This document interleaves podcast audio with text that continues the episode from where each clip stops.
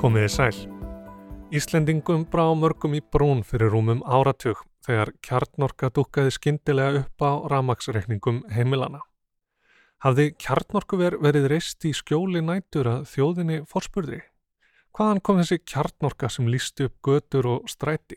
Kraumaði úraníum í kjarnakljúfi einhver staðar á hálendinu og sendi ströym um ramagslínutnar sem liggja um landið beint inn til okkar. Nei, ekkert slíkt lágað baki. Ramagnið sem við nótum og nótum enn kom 99,99% frá jarðvarma og vassaflsvirkjunum. Þetta voru bara tölur á bladi. Frá desember 2011 hafa Íslensk orkufyrirtæki gefið út og selt uppruna ábyrðir fyrir raforku í gegnum Evróst viðskiptakerfi. Erlend raforkufyrirtæki sem nota kjarnorku eða jarðefna eldsneiti til sinnar framleiðslu kaupa þessi reynu vottorð og láta sín í staðin. Þannig hefur hlutvall kjarnorku í raforku framleiðslu Íslands farið úr 5% árið 2011 upp í 24% árið 2021 og það án þess að nokkuð kjartnorkuver sé á landinu eða að neitt ramagn sé flutta á milli. Tölur á bladi sem sagt en svo útskýrt var í speklinum 1. júli 2015. Tökum dæmi. Ef Ísland selur uppruna ábyrðir fyrir um 10% af allri þeirri orgu sem hér er framleitt segjum til Þísks dráttarvélaframleðanda í neðra Sakslandi sem notar 50% jarðefni eldsneiti og 50% kjarnorku, þá þurfum við að breyta okkar bókaldi. Á bókaldinu strekum við þá út 10% endur nýjanlærar orku og í staðin tökum við inn 5% jarðefna eldsneiti og 5% kjarnorku. Orkan sem íslensk fyrirtæki og heimili nota er vegna þessara viðskipta að fjórðungi kjarnorka og þriðjungi jarðefna eldsneiti. Svo kjarnorka sem við notum innan gæsalappa hér á landi kemur þó ekki frá neðra Sakslandi eða nokkuð staðar í Þýskalandi ef því er að skipta í það minsta ekki lengur. Því þann 15. april var slögt á þremur síðustu kjarnorkuverum landsins sem enn voru í nótkunn. Engan gufustrók leggur því frá Ísar tveimur í Bæjaralandi, Ermsland í neðra Sakslandi og Nekkar Vestheim 2 í Baden-Württemberg. Lókunin hafði leiðið í loftinu lengi eða frá því um aldamótin þegar þýsk stjórnvöld tóku ákverðun um að hætta nótkun kjartnorku. Mikil andstaða hefur verið við kjartnorku veri í Þýskalandi frá því á áttunda áratögnum en lókunin er enguða síður umdelt. Áhrifa orkukreppunar í kjálfar innrása rússa í Úkrænu gætir enn og kólanótkun hefur aukist á sama tíma og yfirlist markmið er að draga úr koltvísýrings útblæstri. Ég heiti Snorri Raffn Hallsson og þú ert að hlusta á þetta helst. Í dag beinum við sjónum okkar að síðustu kjarnorkuverunum í Þískalandi.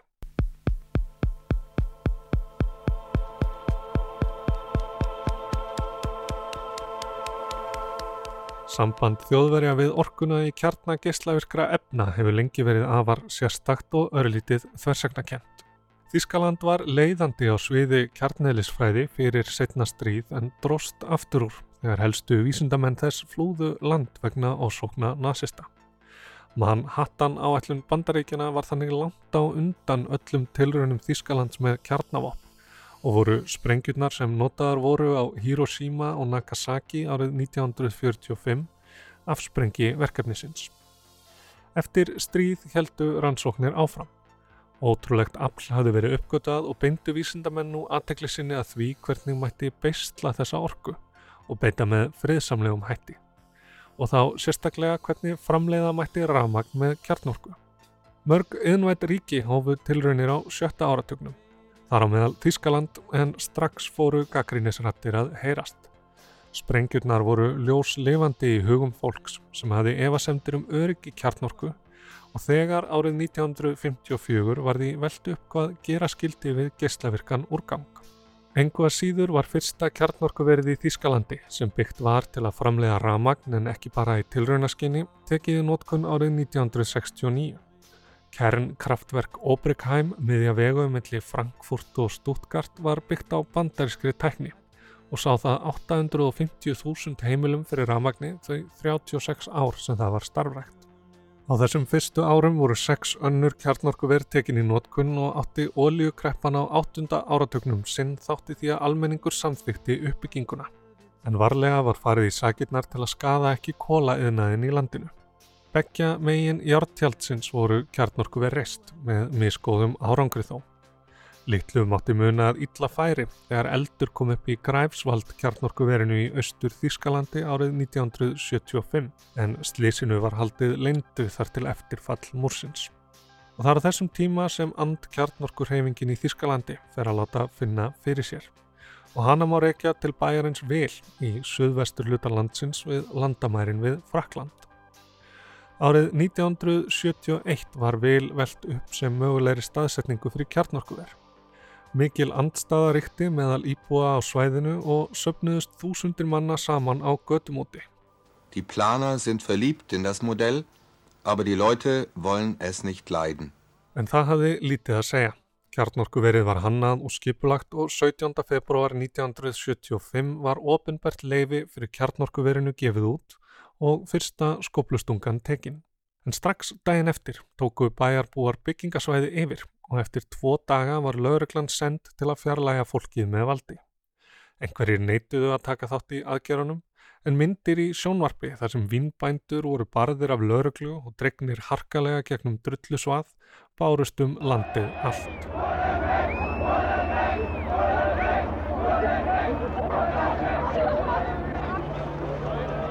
Við það tvíjaldist hreyfingin. Nokkrum dögum síðar gengu íbúar í háskólabænum Freiburg til liðs við fólkið í vil og 30.000 manns tóku svæðið yfir á ný.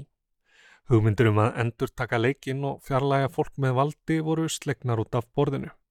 Fjöldin of mikill, aðteklin of neikvæð. Á rúmum mánuði tókst hreifingunni þannig að fá yfirvöld til að hætta við byggingu kjarnorkuvers í vil og er þar nú friðlendi. Fyrsti sigur hreifingarinnar var staðreind. Það er ekki auðvelt að byggja kjarnorkuver. Það er kostnaða samt að teku langan tíma og ekki vísta allt gangi upp tæknilega. Í Þískalandi sem á annar staðar fóru margar áætlanir út um þúfur. Kjarnorkuveru voru sum aldrei gangsett almennilega eða ekki nema í mun stittri tíma en áætlað var. Og ekki hjálpaði til að samskonar reyfingar og í vil spruttu upp annar staðar þar sem kjarnorku áform voru uppi. 1980 varð flokkur græningja til úr þessum reyfingum til að ljá þeim rötta á þingi sem á öðrum umhverjusvendar og friðar sjónamiðum. Enga síður jógst hluti kjarnorku í raforkubúskap landsins natt og stöðugt en kjarnorkuslýsið í Tjernobyl setti streki í rekningin.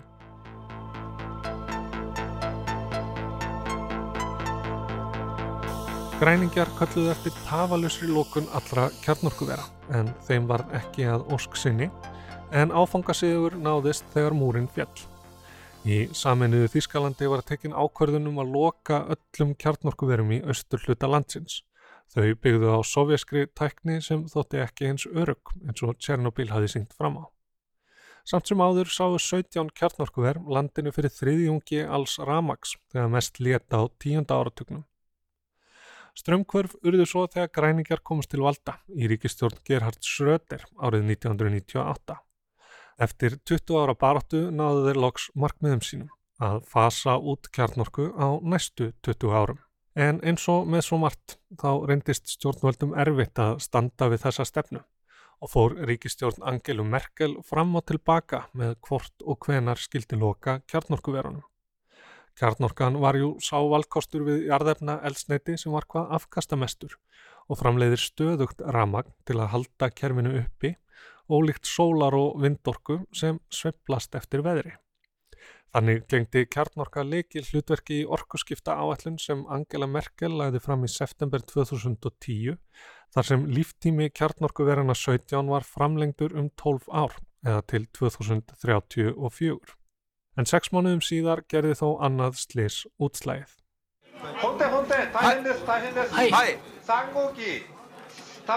Höfuðstöðvar viðrum í vandræðum, eining þrjú sprakk rétt í þessu. Þann 11. mars 2011 skall flóðbylgja á Japan með þeim afleiðingum að mikil sprenging varði í kjarnorkuverinu í Fukushima. Gislavirkni á svæðinu mæltist þúsund sinnum herri en eðlilegt er og var neyðar ástandi strax líst yfir. Á augabræði snýri Ríkistjórn Merkel blaðinu við. Im Herbst 2010 dazu auch ein, Plan erarbeitet, einen Bauplan, der sich genau diesem Ziel verschrieben hat. Aber wir haben nach der Haustið 2010 gerðum við áallunum hvernig við getum náð markmiðum okkar, en eftir þetta óhugsandi havari í Fukushima höfum við þurft að endurhugsa hlutverk kjarnorkunar og því höfum við ákveðið að loka kjarnorkuverunum fyrr en við sáðum í haust. Þetta sæði Angela Merkel þáverandi kanslari Þískaland í mæ 2011. Aftur var snúið til fyrri áallunar um að loka síðustu kjarnorkuverunum á gamlásdag 2022. Í nokkrum áfengum var eftirstandandi kjarnorkuverum lokað og við upphaf árs 2022 voru einungis þrjú kjarnorkuver virk. Ísar 2 í Bæjaralandi, Ermsland í neðra Sakslandi og Nekkar Vestæm 2 í Baden-Württemberg. Endur nýjanlegir orkugjafar líkt og sólar og vindorka hefðu að stóru leiti list kjarnorkuna af holmi en einnig jarðefna eldsniti frá Rúslandi. Innrásin í Úkrænu neytti þjóðverja því til þess að skipta rúsnesku gasi út fyrir kól og hefur koltvísýring útblástur því aukist á sama tíma og orkuverð fór upp í hæstu hæðir. Kjarnorkuverunum þremur var því haldið gangandi örlítið lengur eða til 15. apríl á þessu ári og á óvissu tímum sem þessum stuttu tveir þriðju hlutar þjóðarinnar áframhaldandi kjarnorkunótkun í það minnsta um stund. En þjóðin skiptist í tvent og byrtist að hverki skýrar en við Brandenborgar hliðið þar sem Berlínarmúrin klauf borgina áður í sundur. 15. apríl fögnuðu kjarnorku andstæðingar fullnaðir sigri sínum eftir 45 ára baráttu öðrum einn, að meðan hinum einn var blásið til mótmæla. Slagurði þeirra Atomkraft 9 Danke var snúið við. Kjarnorka já takk. En málið er nú fyrst og fremst politist því að var ólíklegt er að kjarnorkuverin verði enduræst. Það krefðist gríðar mikill að fjárfestinga að halda þeim við. Fjárfestingum sem að mati ríkistjórnarinnar er betur varið í uppbyggingu endur nýjanlegra orkugjafa sem eru bæði hægkvæmari og umhverfisvætni. Þrátt fyrir spárum orkuskort og strömrofi fyrra hafi ekki komið til þess og Þískaland framleiði enn meiri orku en það notar. Þegar hittabilgja reyði yfir Evrópu síðasta sumar þurftu frakkar til að mynda að kaupa orku af þjóðverjum Því kjarnorkuver þeirra voru ekki nótæfi svo miklum hitta, ár þurkuðust upp og því ekki hægt að kæla kjarnakljúana. Stuðningsmenn kjarnorku í Þískalandi sem flestir eru eldri og af íhaldsvagnum eru meðvitaðar um þetta en sjá samt sóknarfæri í að kenna græningum um aukin útblástur, hækkandi orkukostnað og mögulegan skort.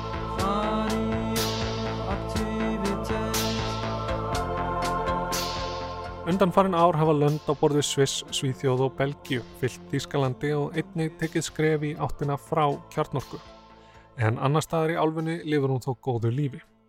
Sama dag og slögt var á Ísar, Ermsland og Nekkar Vestheim tóku finnar í nótkunn stærsta kjarnorkuver Evrópu, Olkilu Toto.